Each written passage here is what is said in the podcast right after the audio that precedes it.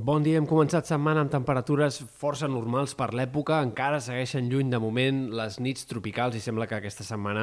ens mantindrem una mica en aquesta mateixa línia. Avui serà un dia predominat pel sol, tot i que hi ha força núvols sobre el Mediterrani que afecten especialment les Balears, el sud del País Valencià, on avui hi haurà alguns ruixats dispersos i eh, és possible que en alguns punts de la costa catalana també pugui haver-hi moments de cel mig ennubulat aquest dilluns. En tot cas, però, les tempestes seguiran afectant a la tarda bàsicament punts del Pirineu i del Prepirineu. Això sí, a mesura que avanci la setmana sembla que aniran guanyant una mica d'extensió aquests ruixats i tempestes de tarda. Aquest dimarts podrien arribar ja alguns punts a la Catalunya central i de cara a dimecres, dijous, el temps s'entreveu més variable i més insegur en general. Dimecres en tempestes ja segurament en alguns punts del perlitoral, fins i tot, i de cara a dijous és possible que el dia sigui insegur i variable en moltes comarques, tot i que de moment no hi ha perspectives d'una ploguda destacable com la de la setmana passada, però sí que poc o molt pot arribar a ploure, encara que siguin quantitats poc abundants en moltes comarques de cara a la jornada de dijous. Sembla que a llarg termini el patró seguirà sent més o menys el mateix, eh, grans clarianes en general, tempestes de tarda, sobretot al Pirineu i Prepirineu,